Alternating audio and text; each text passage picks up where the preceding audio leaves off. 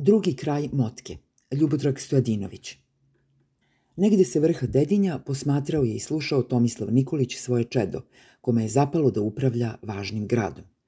Nekadašnji polupismeni periferijski outsider nadimao se od ponosa, pošto je preko tupog naslednika pokorio Kragujevac. Potrebno je naređenje, potrebna je motka da bi narod poštovao mere protiv epidemije. Tako je zapretio Radomir Nikolić građanstvu kojemu je dato na staranje i upravljanje.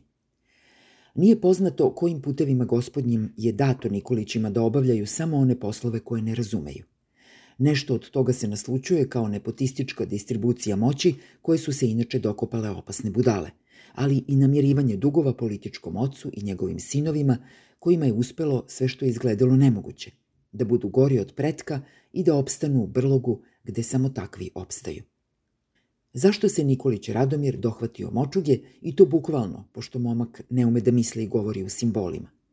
Prvi je razlog pokušaj da se pokaže čvrsta ruka u vremenu kad je već izgubio naklonost vrhovnog gazde.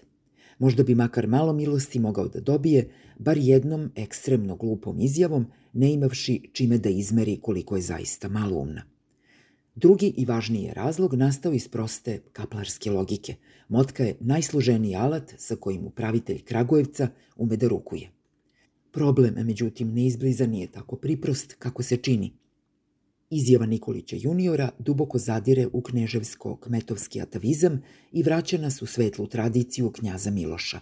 Batina po guzici svakome i svuda gde se oceni da je delotvorna. Momak koji nosi motku nosio je i časno ime – Vucibatina. Gospodar Kragujevca nije do kraja objasnio operativni deo nauma. Da li bi Vucibatina bio on lično ili bi za potrebe hitnog uvođenja 25 po zadnjici neposlušnog bolesnika uveo novo radno mesto za učenog naprednjaka. A taj bi vukao svoj alat svuda gde ide Radomir, zadužen da bira neposlušne kmetove. Izgledali sve ovo kao fantastična izmišljotina zaludnih maštara neverovatnih zbivanja. Ma jok, u biti ni mlađi Nikolić nije u stanju da smisli rečenicu kojom bi odredio svoj stav prema bilo čemu, kao ni legendarni proizvođač Tomovače. Reko smo već da je batina jedna od stvari čije bi postojanje mogao da objasni, možda jedina, ali na jednosmernoj relaciji vlast-građani u njemu je sazrela misao koju je oblikovao logikom dopuštenog nasilja u najavi. Narod je stoka i razume samo jezik sile, dakle motka. Nekoliko dana pre toga grupa ljudi iščašena od svega što ima smisla slavila je pobedu nad protivnikom koji nije postojao. Igralo se kolo, te kreature su se međusobno žvalavile i grlile, znoj koji proizvodi euforično slavlje slivao se po zamagljenoj sobi. Vrh partije i države slavio je sebe i svoju večnost, svoja zlodela, opasne, čak smrtonosne laži, mračnu ideju o konačnom zatvaranju društva u svoj kašasti kolektivni um – Bila je to Lukolovska slava pobede koja ne postoji, zdravlja koga nema, raspada svega u čemu su oni. Folklorna oda epidemiji koja se širi bez granica uz njihovo razdragano dopuštenje.